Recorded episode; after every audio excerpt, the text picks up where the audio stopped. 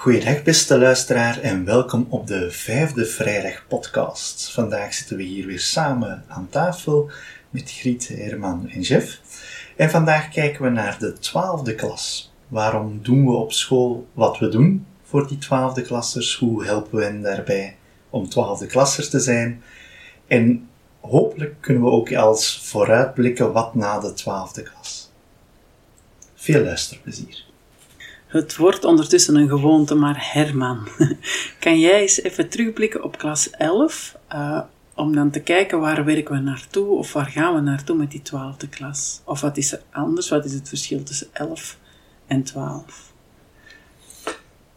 Het thema van de 11e klas, uh, dat is eigenlijk uh, de, de jongeren ertoe aanzetten om vooraleer ze tot een oordeel komen, tot een besluit, dat zij het, uh, de zaak eigenlijk zo ruim mogelijk onderzoeken in alle mogelijke schakeringen, alle mogelijke standpunten en visies.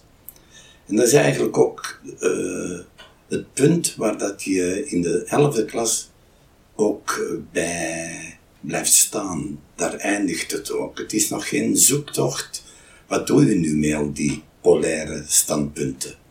En dat zal nu duidelijk en dadelijk ook het, uh, het thema worden van de twaalfde klas. Om een voorbeeld te geven, elfde klas, om, om, om het terug wat levendig te maken. Uh, ik, ik, was uh, samen met, met Sanne aan het kijken naar de biologie in de elfde klas. En het thema is daar uh, de erfelijkheid.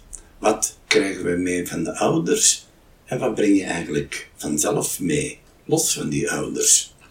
En dat is eigenlijk een, uh, een heel mooi oefenterrein om met elfde klassers uh, daar hun thema, namelijk gaat tot in de polariteiten, om dat te oefenen. En uh, ik zag uh, twee weken geleden op, op Canvas een heel interessante documentaire en die ging over een familie die een vader, moeder, en die kregen hun eerste kindje. En dat kindje wordt geboren in de, het ziekenhuis van Zuid-Afrika. De grote schuurziekenhuis, bekend ziekenhuis. En na twee dagen, na de geboorte, verdwijnt dat kindje. Dat wordt eigenlijk door iemand uh, weggenomen en men heeft dat niet meer teruggevonden. Het is een hele zaak geworden dus de, de recherche is op zoek gegaan, heeft alle, alle mogelijke pistes onderzocht, camera's. Maar uh, ja, met dat verdriet moesten die ouders verder. Ondertussen krijgen die nog een tweede en een derde kind. Het tweede kind was ook een meisje, zoals het geroofde kind was ook een meisje. En pas wanneer dat kind in de middelbare school zit, wij zouden zeggen in de tiende klas, komt hij in een nieuwe school en de kinderen op de speelplaats zeggen: hey, jij lijkt perfect op dat meisje uit de twaalfde klas. Je zou er een zus van kunnen zijn. Oh, oh ja, dat gebeurt misschien wel. Maar die twee kinderen, die leken ook op, op elkaar aangetrokken te zijn. En al snel worden die, wordt dat echt een vriendschap.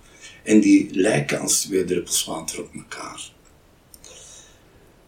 thuisgekomen vertelt dat meisje die, uh, natuurlijk dat verhaal en die ouders die ondertussen nog altijd niet hadden opgegeven van misschien ooit het, hun oudste kind terug te zien, uh, die beginnen natuurlijk onmiddellijk de link te leggen.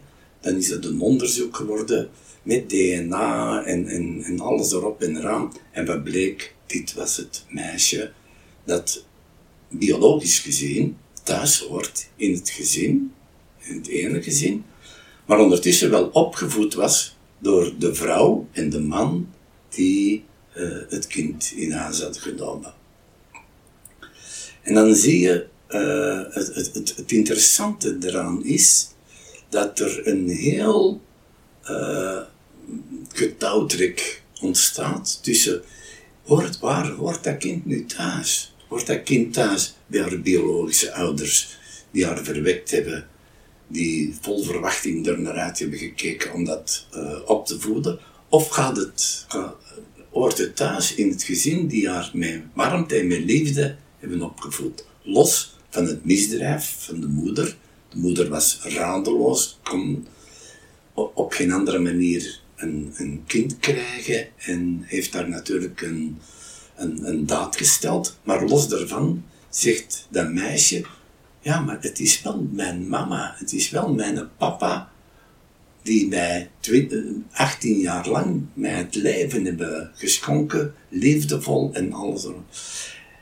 En zie je, uh, en dan uh, kom je als, als luisteraar en, en, kijker in, in, in die zoektocht van die twee polariteiten.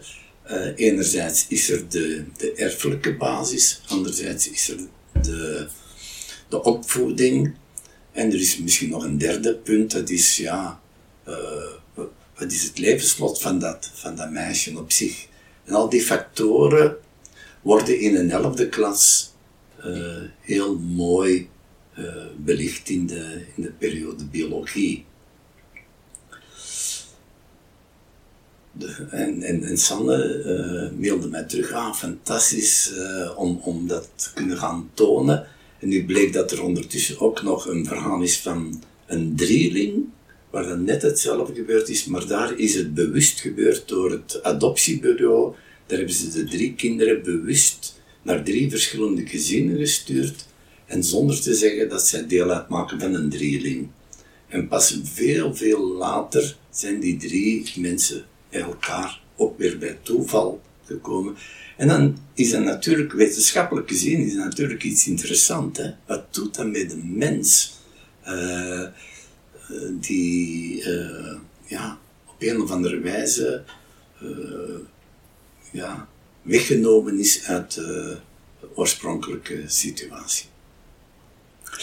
Goed, dus in de 11e klas wordt het daarbij gelaten. Er wordt geen oordeel geveld, er wordt geen uh, standpunt ingenomen. Er wordt alleen heel sterk in de beleving gegaan en gezien van moet dat zijn voor zo iemand, uh, hè, voor een moeder die, die dat kind ziet geroofd worden of wat moet het zijn voor die moeder die uh, met veel liefde een kind heeft grootgebracht en nu de gevangenis zien moet. Hè? Goed, dat als inleiding. Hè? En in een twaalfde klas zou je dan kunnen gaan kijken naar wat is het midden hierin? Wat, wat zou, wat zou een goede oplossing zijn? Ja, ja.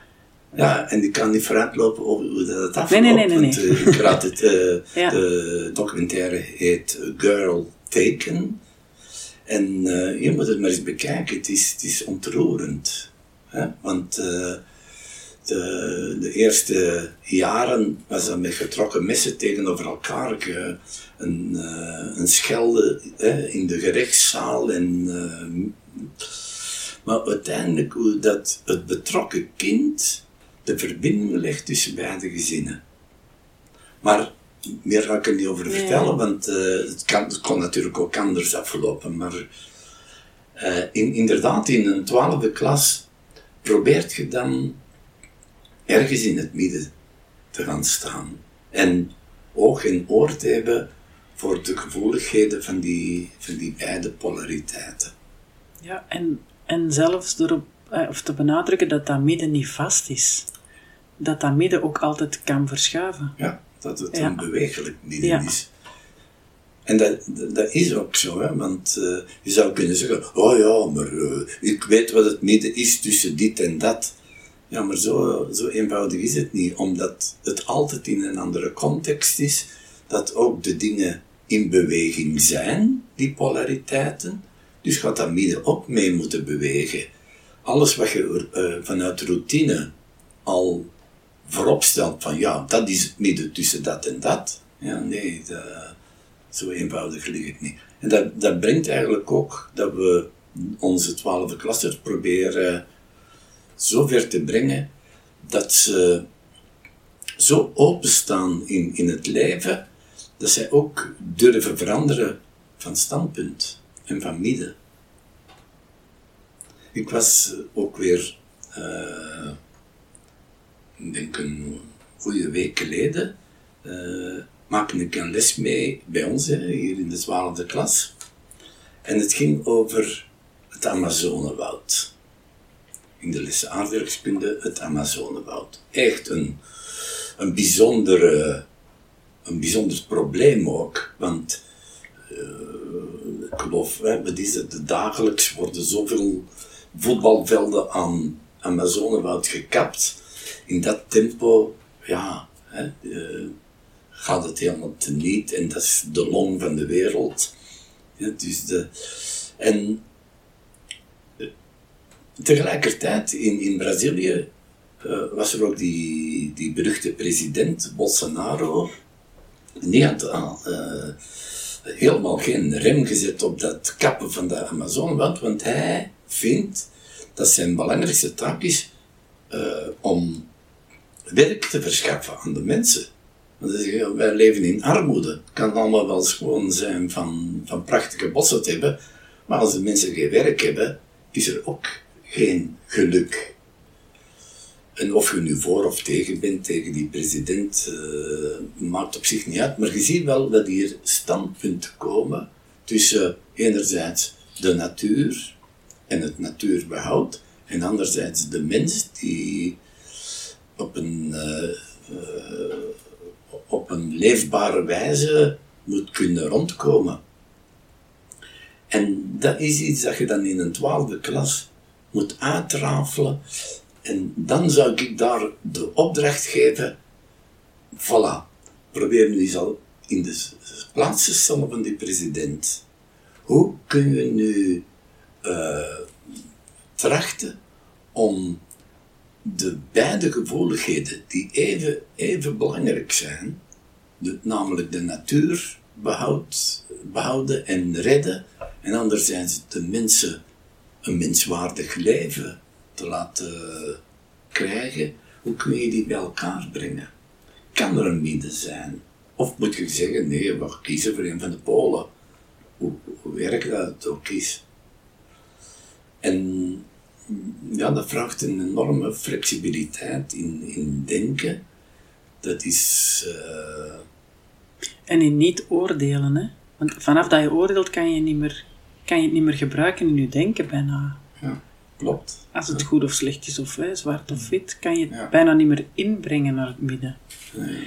Herman, maar um, dat is in het, in het menselijke, maar hoe doe je dat dan in de wetenschappen? Dat vraag ik, want ik ben, ik, ik, ben, ik ken dat niet, maar bijvoorbeeld, eh, je geeft projectieve geometrie in 11, maar ook in 12. Mm Probeer je dat dan eigenlijk ook visueel te maken? Ja, uh, je moet, om dat denken, dat gaat je niet verkrijgen door hen te vragen om op die manier te denken. Ja. ja. Uh, je moet hen uh, daartoe opleiden.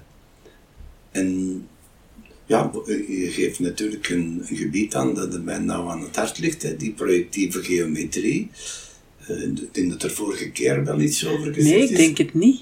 Nou, ah. of, nee, ik denk niet dat we in 11 daarover zo, gesproken Zo slecht hebben. is ons geheugen al. Ja. Nee, nee. Maar ja, in, in, we hebben een meetkunde die uh, polair staan tegenover de klassieke meetkunde. Hè? Als je kunt nu, nu een rechte inbeelden hè, en je gaat in het midden van die rechte staan, of je neemt een treinspoor, hè, kaarsrecht, en je gaat in de ene richting en die menans gaat in de andere richting, dan zeggen we, ja, die verwijderen zich van elkaar. En als dat echt recht, recht, recht is, dan zullen die oneindig kunnen blijven stappen en zich altijd maar verwijderen van elkaar. Die twee polen, die liggen mijlsver van elkaar. En zo kijken we ook naar de sterrenwereld. Als we kijken in de ene richting, dan zien we een ster. Kijken we in de tegenovergestelde richting, dan zien we een andere ster. En zeggen, je kunt niet verder van elkaar liggen, maar tenzij dat achter die ster ook nog een ster is en zo verder. Dus dat is het, het uitdijnend heelal dat wij ons voorstellen. En nu gaan we daar een meetkunde naast leggen die uh, daar helemaal tegenover gaat staan. Die zegt dat elk punt van de rechte uniek is, dus ook het punt op oneindig, of je nu naar links gaat of naar rechts gaat, dat is één en hetzelfde punt. En dat is een heel moeilijke uh, denkbeweging, want dat gaat in tegen ons klassieke denken. Want klassiek denken we, je gaat altijd maar verder en verder van elkaar weg. Ja? Ik doe nu al een beweging, jullie kunnen dat niet zien, lieve luisteraars thuis. Maar je gaat, je gaat uit elkaar en toch kom je dichter en dichter bij elkaar als je van ver genoeg verwijdert. In het Frans ze les extrêmes touche. Ja. En dat is ook.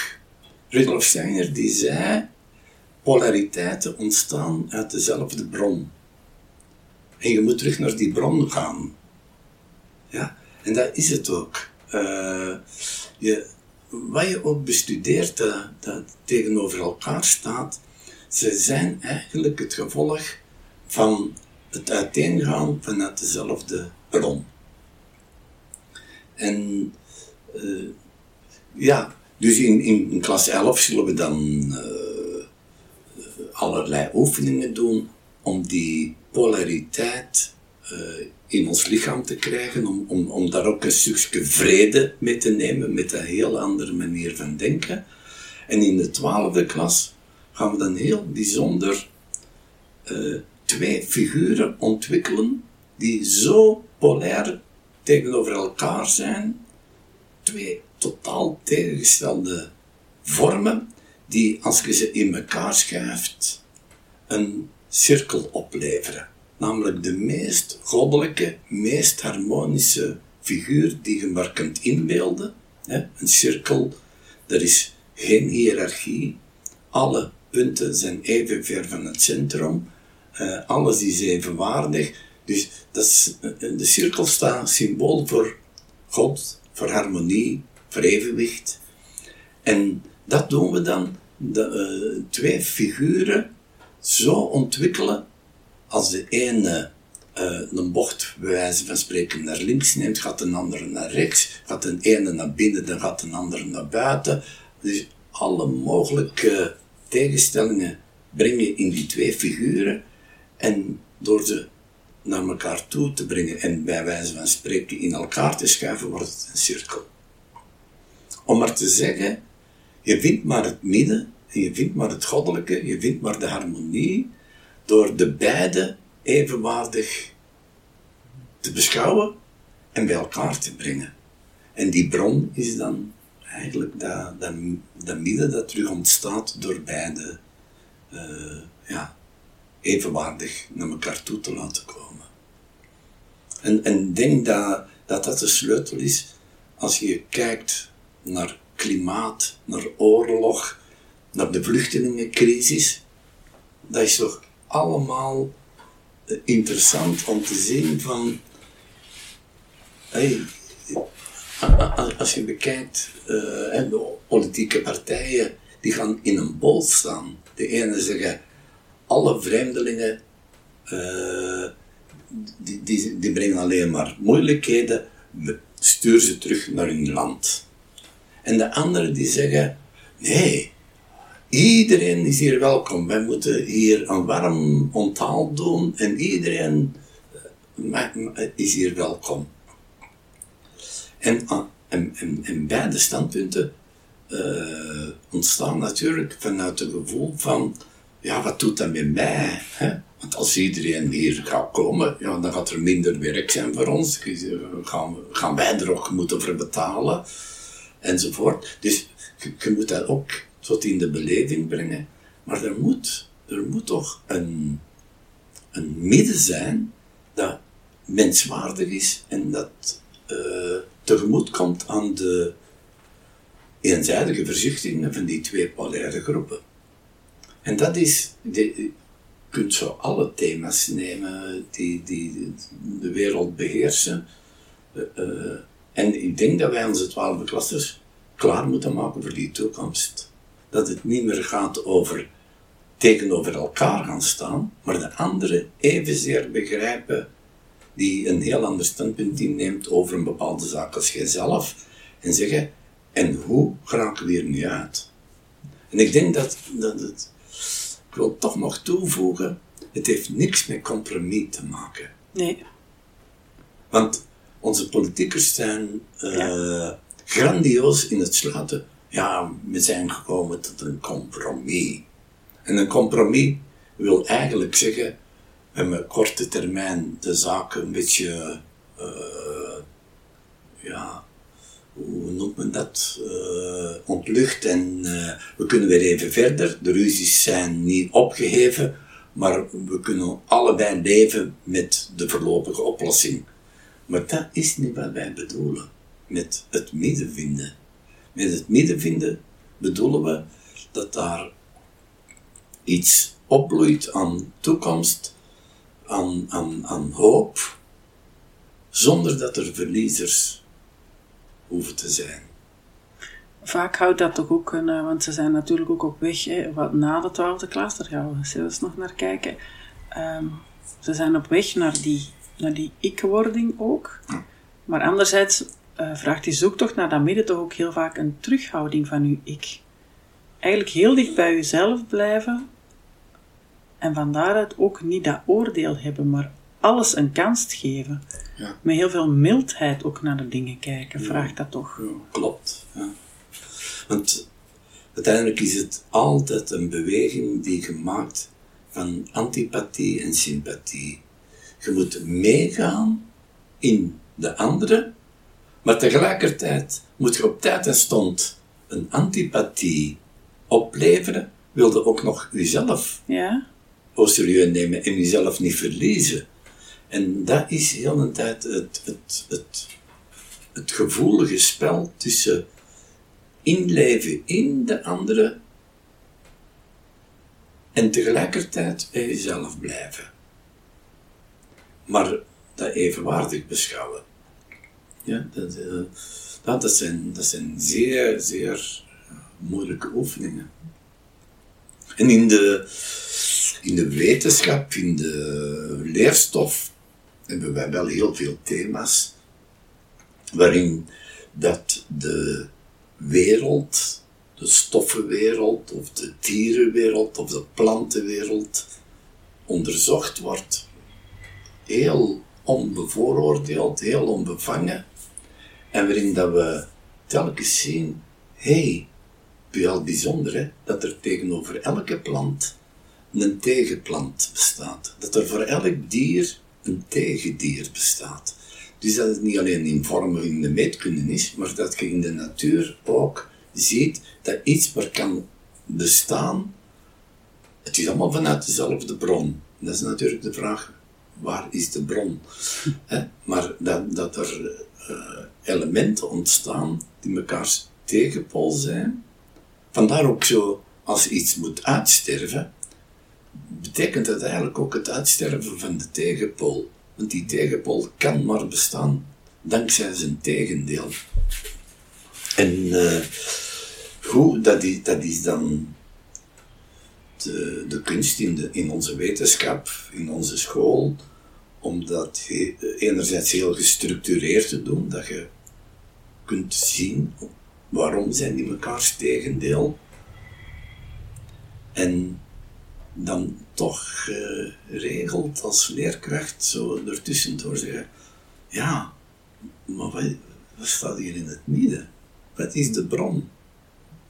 Want het is een, je onderzoekt de twee tegenpolen heel duidelijk, maar het vinden van het midden, is dat een, uh, toon je dat als leerkracht? Of is dat echt iets waar je door de manier van lesgeven, dat je de leerlingen ertoe leidt, maar zij zien het of zij brengen het? Ja, weet dat is heel afhankelijk van de groep. Mhm. Er zijn groepen Waar dat, en dat zal ook met jezelf te maken hebben, want niet elke periode geef je even, misschien even fris en even gestructureerd. Dat, dat kan ook. Maar toch, in de ene groep komt bijna de oplossing als vanzelf als een geschenk naar boven drijven. En dan moet dan een leerling zijn die zegt van, hé, hey, maar als je het zo bekijkt, dan... En dan zie je onmiddellijk anderen, ik heb dat ook al gedacht, ja. En, en, en dan ontstaat er iets. En ja, dat zijn natuurlijk de momenten waarom dat dat opleeft als leraar. Dat, dat dat midden gevonden wordt vanuit het meegaan in heel het verhaal. En bij anderen komt dat maar, maar moeizaam. Uh, ja, dan moet je dat ook kunnen accepteren. En in, in, als je nu naar de biologie bekijkt, het grote vraagstuk dat in de twaalfde klas ligt, is, is alles ontstaan door toedoen van God, de, de schepping. God heeft op een bepaald moment alles gecreëerd. En in de Bijbel wordt dat heel mooi beschreven in zeven dagen. Uh, en God vond dat het goed was, dat het mooi was zo, en dat, uh, hè, dat het goddelijk is van, van wezen alle, allemaal. En dan in, in, de laatste eeuwen is dan de gedachte ontstaan, alles is ontstaan vanuit een, een oerkracht, vanuit een oerknal, hè, van een, een, een kernexplosie. En alles is uit elkaar gespat en er zijn uh, botsingen ontstaan. En in die botsing zijn daar uh, nieuwe, vanuit dat reageren op elkaar zijn nieuwe elementen ontstaan. En geleidelijk aan is er een aarde ontstaan en, en, en, en, enzovoort enzovoort. Voilà, en, en, en wij zijn nog altijd het gevolg van die explosie. En alles is bij toeval. Toeval tegenover de schepping. Dat, dat, je kunt bijna geen grotere tegenstelling vinden. Hè? Hoe gaat het daarmee om? En het fantastische is natuurlijk weer, we kunnen dat niet genoeg zeggen, dat in de antroposofie de beiden au serieus worden genomen. Het element evolutie, hè, vanuit een welke toestand ook, maar dat iets altijd maar uh, in de wereld aan het evolueren is, en anderzijds de goddelijke schepping die uh, heeft plaatsgevonden. En ik denk dat, dat dat wel ontzettend belangrijk is, dat de leerlingen, twaalfde klassers, daarmee geconfronteerd worden. Je kunt zeggen, maak het uit, of we nu geschapen zijn, of we zijn uh, het gevolg van een explosie. Ja, dat maakt wel heel veel uit. Ja. Bij het ene is een doel, en bij het andere kunnen ze zeggen, het zijn allemaal maar gevolgen, en ja, we leren ermee leven. Ja. Als wij proberen uh, onze uh, moraliteit onder de mensen te brengen, dan uh, is het toch omdat we ergens een, een levensdoel zien en, en, dat we iets in, in de goede richting willen zien evolueren. Maar iets dat vanuit een, een, een domme explosie ontstaan is, waarom zou dat in de goede richting moeten gaan? Want daar is geen bedoeling aan gegeven. Dus alleen, ik denk dat van daaruit is het vak filosofie ook wel op zijn plek in een twaalfde klas. Als ik zo luister, Herman, doet het mij... Ik moest denken aan de planetentypes en aan... Uh, eigenlijk ben je altijd dan op zoek naar het zonnemoment. Of naar zo algehele verbinding. Want je neemt alles mee. Alles wat, er, wat, wat je kunt in over, overweging nemen, neem je mee in dat midden van dat moment. Ja, ja dat is mooi. Ja. ja, moest ik aan denken. Ja.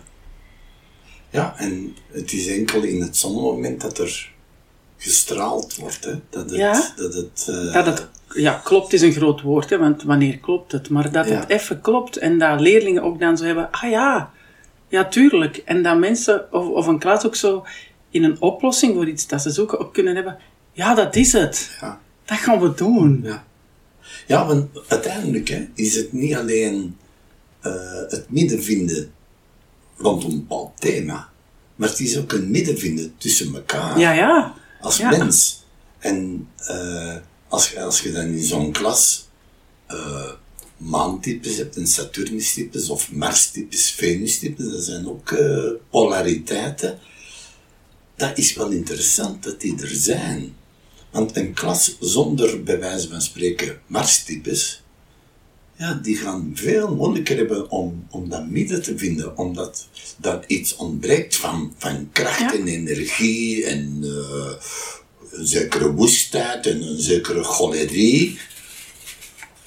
Eh, dat is inderdaad. En, en wat, ik ook een heel eh, belangrijke polariteit in de klas vind, is eh, jongens-meisjes. Ja. En dan moeten we natuurlijk op dit moment wat eh, met, eh, Met respect naar kijken. met respect Ja. en, en ook eh, met alle gegevens van veranderingen. En, maar als, als je ziet, dat leidt ons misschien wel even ver, maar ik wil toch even benoemen. De meisjes gaan vanaf de leeftijd van 14 een hele andere ontwikkelingsweg dan de jongens.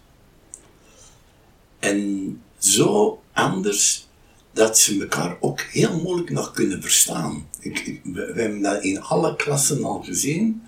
Eh, de meisjes die met elkaar klitten, de jongens. Eh, in, in die allereerste twaalfde klas was dat heel uitgesproken. Ik weet niet of het nu ook zo...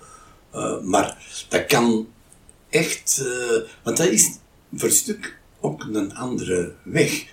Meisjes die hebben een heel rijk astraal leven, maar zo rijk dat, het, dat ik, dat pas eigenlijk op 21 jaar incarneert, dat, dat er eh, zelfstandig wordt, die trekken dat al heel vroeg naar zich toe.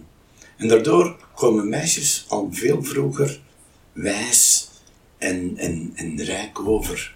Dat ik zeg, amai zeg, wat, wat die daar eh, komt te vertellen, amai. En de jongens, die, die astraliteit is veel schraler. Wij noemen dat eigenlijk de meisjes, die, die, dat is alsof dat de kosmos, het geestelijke, zo al, al, al neerdaalt. En de jongens die zitten nog helemaal in dat wereldse, in dat materiële, dat moet, de dingen moeten krachtig zijn en energievol en, en, en eh, de techniek bijvoorbeeld. En, en eh, dat is interessant. Later, als we het dan zullen hebben over de leeftijd van 21, zullen jongens dat ik veel gemakkelijker kunnen grijpen. Terwijl bij de meisjes de, dat gemoed en die astraliteit zo krachtig is, dat, dat ik altijd met veel astraliteit doorweven blijft. In het later leven eh, is dat iets dat, dat je merkt dat, eh, dat eh, die, die astraliteit die moet door dat ik getemd worden. Hè, en dat dat, dat bij, bij de vrouw een heel andere weg is, een veel intensere weg om die overwinning te maken dan bij de jongens. Net omdat bij de jongens, bij de mannen, die astraliteit eh, ja, veel minder invloed heeft. Maar je ziet, eh, eh, we kiezen ervoor om die beide polariteiten, als ik het dan man-vrouw zie, in dezelfde klas te hebben. Er zijn scholen die lange tijd gekozen hebben om, om toch apart op te voeden. In de jeugdbewegingen zie je dat ook zo. Wij zijn echt een, een typische meisjesgroep, geen jongens bij ons. Eh, af en toe willen we wel eens een keer een activiteit samen doen, maar, maar het is net belangrijk dat jongeren al op die leeftijd kennis maken met de andere gezindheid van, de andere, van het andere geslacht. Ja. En zo zie je, ja, het zit op vele gebieden, het, het gaat eigenlijk altijd om eh, openheid, respect, een- het eh, evenveel waarde hechten aan het andere dan aan uzelf, enzovoort, om, om ja, dat bewegelijke midden te vinden. Ja, en is dat ook niet wat, wat Rudolf Steiner eigenlijk beoogde met de scholen en wat de vraag eigenlijk ook was in die tijd? Hè? Ehm, dat heeft toch ook te maken met, met het juiste vinden voor wat er gaat komen voor de toekomst. En het juiste is dan weer een fout woord, maar vinden wat goed is op dat moment voor de toekomst. Ja. En, en jongeren daar naar leren zoeken. En niet te blijven schieten in, in het een of in het ander, maar echt te durven zoeken, los van jezelf. eh, wat is nu goed? Wat, is, wat heeft de wereld nodig? Wat heeft deze tijd nodig om verder te kunnen? Ja, zeker vast. Het is de toekomst die, die naar ons toe komt, die, die schijnbaar nog onbekend is. En dat is natuurlijk ook zo. We kunnen niet zo gezegd in de toekomst kijken, maar we kunnen wel de toekomst die klaar zit eh, zijn kans geven. Ja, Want je kunt heel behoudsgezind zijn en daardoor alles wat op je afkomt wegduwen van oh, oh nee, dat, de, en leven vanuit de gewoonten en vanuit de routines. Maar ik denk, a- a- a- als wij elkaar in een college, in, in een klas leren om die onbevangenheid te hebben en te durven zeggen, ah wel, nu gaan we het eens helemaal anders doen. En zien wat dat geeft, dat je plots merkt, wauw, dit hadden we nooit kunnen verwachten. En dit, dit is mooi wat hier gebeurt. En dus eigenlijk het woord juist is wel op zijn plaats, denk ik. Het is juist voor dat moment. voor dat moment, ja. Ja. Eh, Ja, en dat is ook interessant. Op vergaderingen kan je dat toch ook hebben. Je bent iets aan het bespreken, je wilt iets, iets doen of iets veranderen of zo, en je voelt, er is spanning. Hè. En iedereen, hè, we werken dan eerst vanuit beeldvorm, iedereen vertelt hoe zie ik dat. Dat is objectief, maar iedereen kijkt ook met een andere bril. En dan komt die oordeelsvorming, waar iedereen de kans krijgt om te zeggen, hoe voelt dat voor mij? Hoe, hoe is dat? Dus je bent echt die polariteiten aan het onderzoeken en dat zit nog zo wat te wringen. En op een gegeven moment komt dat samen en zegt meestal een heel college, ja, dat dat gaan we doen. ja. En dat is eigenlijk wat je met die elfde klassers en met die twaalfde klassers onderzoekt, hè? Ja. om dan te komen, ja, en dan, dan, is dat, en dan is dat juist of goed. Ja, en, en daar moet je tijd voor nemen. Ja. Want op, de, op eenzelfde dag beeldvorming doen rond een zaak, oordeelsvorming en besluitvorming, dan heeft het, is het niet kunnen rijpen. En wat wij wel eens zeggen, en dan zijn we als antroposofen natuurlijk eh, heel zweverig, het meenemen in de nacht. Maar het eigenlijk iedereen kent dat uit het dagelijks spraakgebruik. Eh, we, nemen, we gaan er eens een nachtje mee slapen. Maar vanuit antroposofie betekent dat, in de nacht gaan, betekent dat je met je astraal en met je ik even loskomt van het fysieke. En ja, dan ontmoet je in de geestelijke wereld die wezens die u heel uw leven lang en in uw vorige levens begeleiden. Iedereen heeft een begeleider. En die zit klaar om u raad te geven of om een zekere wijsheid door te geven. Maar dan moet je er ook de vraag naar stellen. Dat is iets waar we natuurlijk niet gewoon zijn om over te spreken. Maar ik, ik denk, en dat is voor, voor twaalfde klassers is dat misschien eh, nog niet aan de orde. Hè? Maar in een lerarencollege moet je daar kunnen over spreken van, wij moeten in onze meditatie of in ons gebed dat we doen, een, ons richten tot, tot de, de goddelijke wijsheid om datgene waar dat we mee bezig zijn te bevruchten met, met, eh, met het juiste. En dan, als dat gebeurt, en als elke leraar in een moeilijke besluitronde dat meegenomen heeft en terugbrengt, dan hebben ze hierboven ook overleg gepleegd. En dan is datgene wat juist is, eigenlijk daalt dat neer in uw midden en zegt iedereen, oh ja, dat is het. Dat was het. Dat we er zo lang over... En, en dan zijn er geen verliezers. Nee.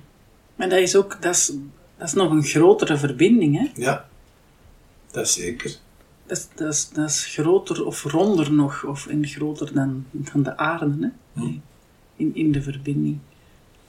Maar het is een moeilijk, ik, ik vind het een heel moeilijk thema. Hè? Uh, als, als, juist heb ook gezegd, in de biologie gaat het over wat, is de bron, wat staat aan het begin? Is dat de, schepping of is dat de oorknal? Maar je ziet wel, vanuit eenzelfde bron, neem nu als bron de vrijheid. Dat is toch het, een van de hoogste dingen die wij als mens willen bekomen. Een vrij denken, een vrij voelen, een vrij handelen. Vrij in de zin van, ik doe datgene wat ik vind dat juist is. Daar streven we naar. Maar op het moment dat die vrijheid in de wereld komt, betekent dat dat je uit vrijheid ook het slechte moet kunnen doen. En niet alleen het goede. Dus uit vrijheid moet je kunnen verdragen dat die bron het ene kan voortbrengen, maar ook het andere. En de kunst is dan om, om in die gemeenschap waar dat die beide polen ontstaan, om die terug toch wel bij elkaar te brengen. En niet, ja, dat is een heel moeilijk thema.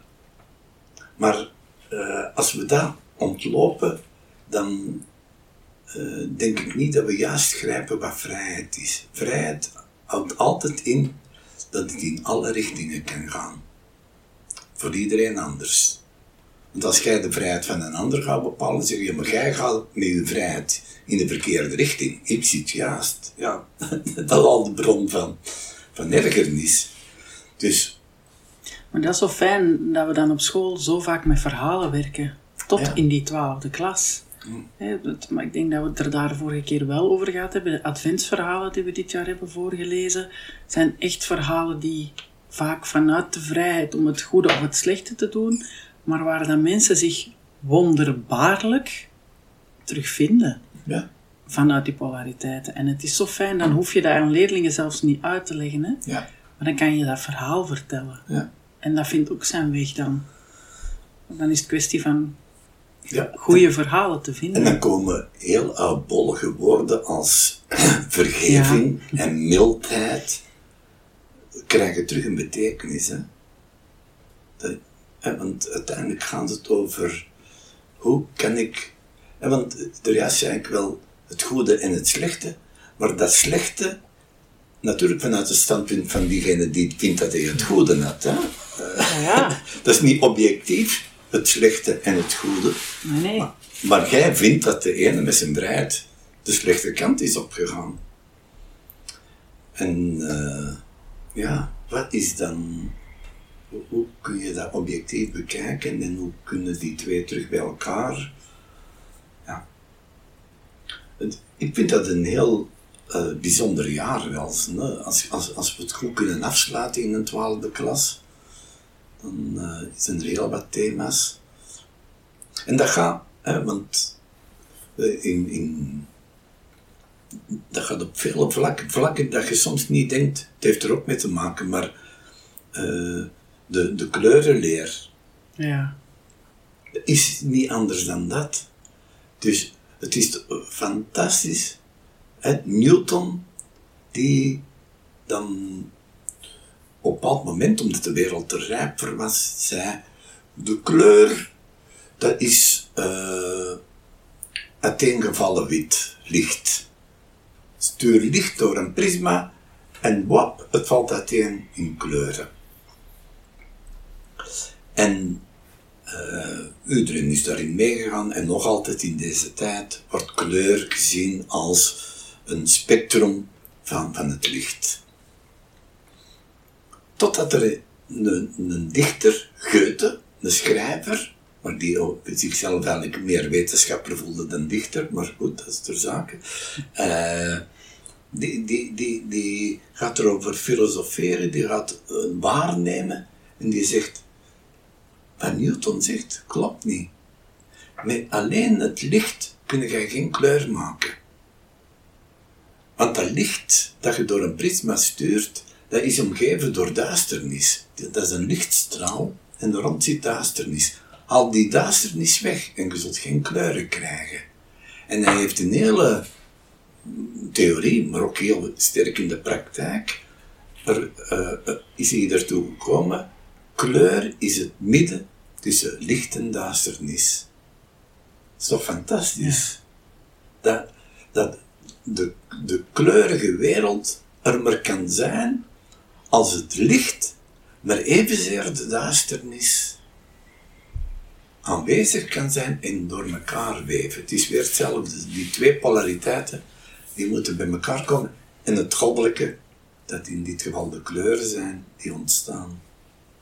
En dat doen we ook in een twaalfde klas. We, gaan, we gaan echt het duister beleven als kwaliteit. We gaan ook het licht ontdaan van de duisternis is beleven. En dan gaan we die twee bij elkaar brengen. Ja. Ja, ten, uh, het, onze leerplan zit wijs in elkaar. Ik was net hetzelfde aan het denken. Ja, ja. Ik durf het niet zeggen. Ja. En dan, en dan. Dan vertrekken ze. Dan vertrekken ze. Ja, want we zouden natuurlijk alle vakken kunnen overlopen, maar dan vertrekken ze. Op school. Ja. Dat, ja, ik, ik heb het natuurlijk nooit meegemaakt. Jij wel, Jeff. Hè? Je hebt uh, heel het traject als leerling ook doorlopen. Ik niet. Ik kan het mij alleen maar voorstellen. Maar voordat we deze podcast begonnen op te nemen, hadden we het over dat dertiende jaar. Ja, vandaag. Hè? Is, is Ja. die twaalfde klas wel echt een eindpunt om ze de wereld in te sturen? Ja, ik denk dat we mooi, mooi eh, dingen hebben bewerkt bij, de, bij, bij onze jongeren. Maar wat, wat, wat ik wel vind is, eigenlijk zijn ze veel te jong om al een, een besluit te nemen, dat wil ik in mijn leven doen in de wereld. Ik vind, ik, ben in de kerstvakantie nogal sterk bezig geweest met, met de charterreis die er gaat aankomen. We gaan dit jaar op charterreis met klas 11, maar ook met klas 12. En een van de bijzondere dingen is, in Char- Chartres is duizend jaar geleden is die kathedraal gebouwd. Als dat is een mysterie, hoe dat dan mogelijk is. De vraag is, zou ze het in deze tijd nog kunnen, zo'n bouwwerk neerzetten? Maar in die tijd, in de, nog in de middeleeuwen, ontstond het systeem van leerling, gezel en meester. En dat is iets heel bijzonder. Als leerling werd je door les te krijgen, eh, praktijk, werd je ingewijd in, in een bepaalde ambacht. En dat was lang, lange jaren moesten ze daar als leerling hun, hun, hun, hun weg gaan, hè? kennis opdoen veel krijgen van de meester. En dan werden die de wereld ingestuurd. Dan werden ze gezel. Doe nu ervaring op. En ga eens bij die meesterginder. En ga eens daar. En, en, en, en binnen een paar jaar zien we elkaar terug. En dan, na heel wat eh, gereisd te hebben, heel wat ervaring te hebben opgedaan, zijn ze eigenlijk zelf meester geworden. En ik vind dat een prachtig beeld voor onze pedagogie.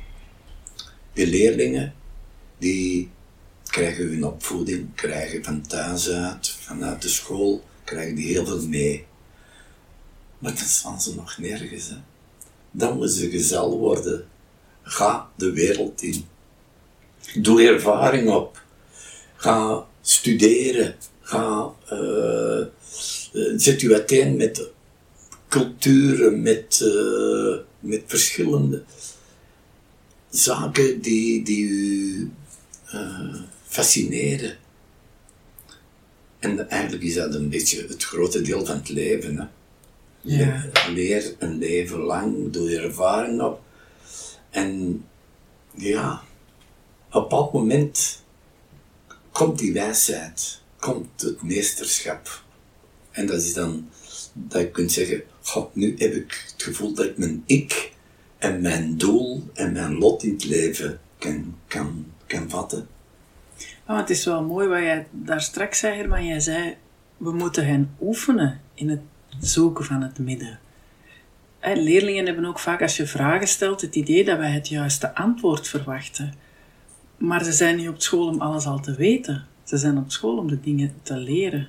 Te leren zoeken. Ja, en dan kunnen wij alleen maar hopen als ze vertrekken in die twaalfde klas, dat ze gezel durven zijn.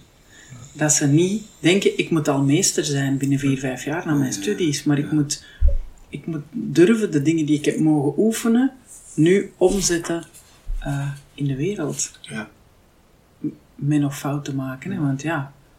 Met vallen en ja. opstaan. Ja. ja. En dat is toch wel iets waar ik de indruk van heb dat dat moeilijker wordt. Ik zeg in de klas, in klas 7 en 8, ik maak, maak mijn overtuiging fouten. Hè? Zo, uh, aan leerlingen in een leer. Ja. Maar hoe angstig dat het dan soms is om, om een antwoord te geven, dat angst het zou wel eens fouten kunnen zijn. Mm. Fout kunnen zijn. Ja. En, en dan, waar hij dan zegt zo mooi, die, die verwachting van, en nu is het klaar, dus ik ben meester. Hè? Ja. Of, of waar ook vaak wordt gedacht, eh, na het studeren, dan ga je dat toch doen. Mm. Maar wat dan eigenlijk helemaal niet per se Nee. dat hoort te zijn. Het is dat inzetten met de wereld. Ja, en, en uh, in- toen ik jong was, hè, zo lang Toen de geleden, dieren nog spraken. ja, ja, die spraken toen nog. Eh, nu nog, maar we horen ze niet meer. Eh, ja, dan, dan, ik weet nog, mijn, mijn vader, die heeft van zijn 18 jaar tot zijn 65 één en hetzelfde werk gedaan. En ik heb die, pas op, ik bewonder die, hè, want die, dat was een heel trouwe man, die had ook niet de kans gehad om te reizen, want die, die zat thuis met, een, met één zus en die was gehandicapt en thuis had ze de middelen die, dus die moest zijn, zijn, zijn drang om te reizen en de wereld te leren kennen inslikken.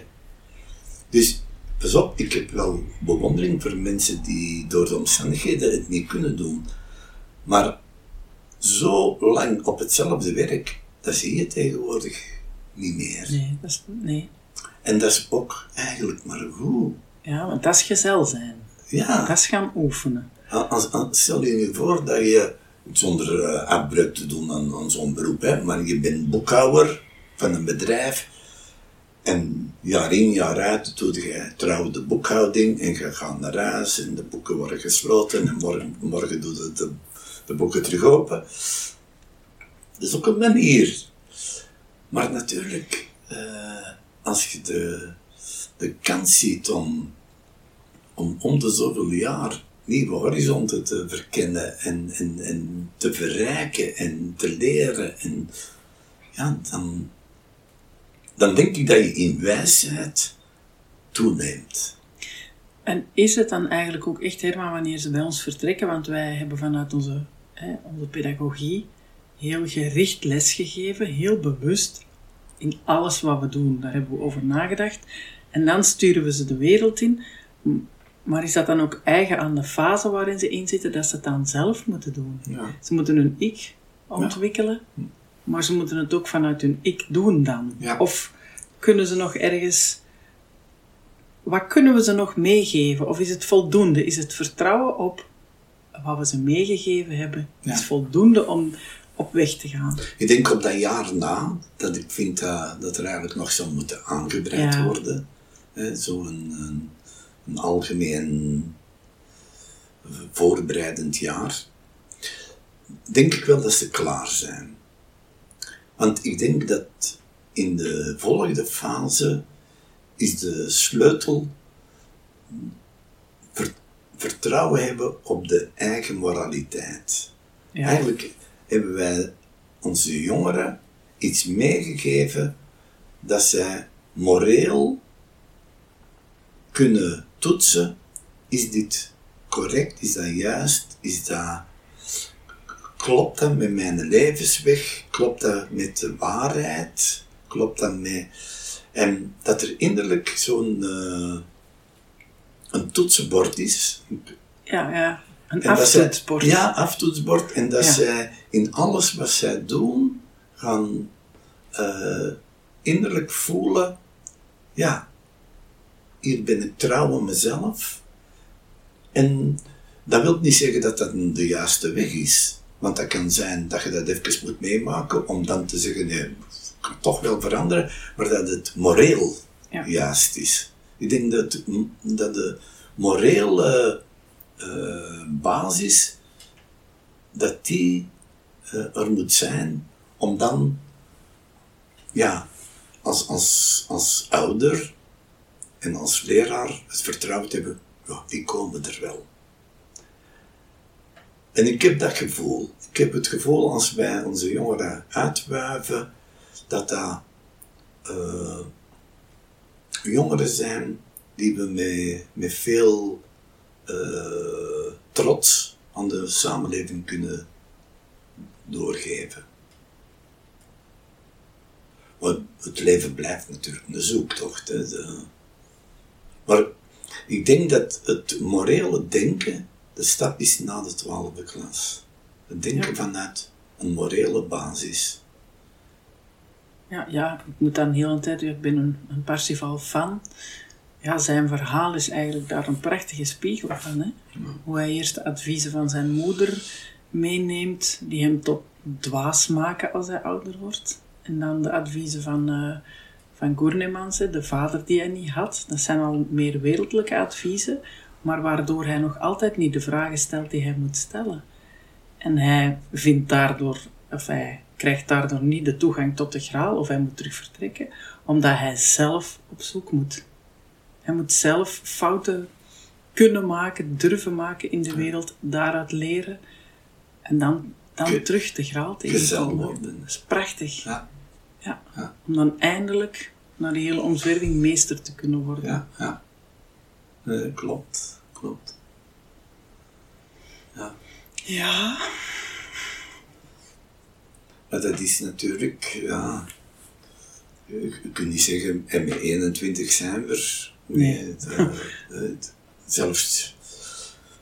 Misschien kunnen we in de toekomst eens kijken naar de volgende fases. ja. hè. Ja. Wat is dan het thema tussen 21 en 28, 28, 35? We zullen ons maar aan die zeven houden. Ja, dat is de, de zeven. Ik was het net ook aan het denken, misschien wel heel interessant, want daar wordt weinig naar gekeken. Ja, zeker. Omdat we natuurlijk op school zitten met tot die leeftijd, Ja, ja. maar ook super interessant om eens verder ja. te kijken. En hoe het eigenlijk ook spiegelt. klopt, ja. ja. Heel wat thema's. Dus even om de podcast ja, eh, verder te zetten. Oké, chef Herman, al zeg ik het zelf. Ik vond het weer ontzettend interessant. Ehm, en ik denk dat we al eens vooruit mogen blikken op eh, onze volgende podcast. Dan gaan we eens kijken of denken over hoe dat we als ouders, als leraren zo kunnen handelen en ten opzichte van onze kinderen, jongeren staan, dat ze eigenlijk gezond in het leven staan. Ehm, beste luisteraar, ik hoop dat je genoten hebt van deze podcast. Ehm, mocht je nog vragen hebben, mocht je thema's hebben die je graag besproken hebt ehm, in onze podcast, dan gaat Jeff even het mailadres zeggen. Dat is eh,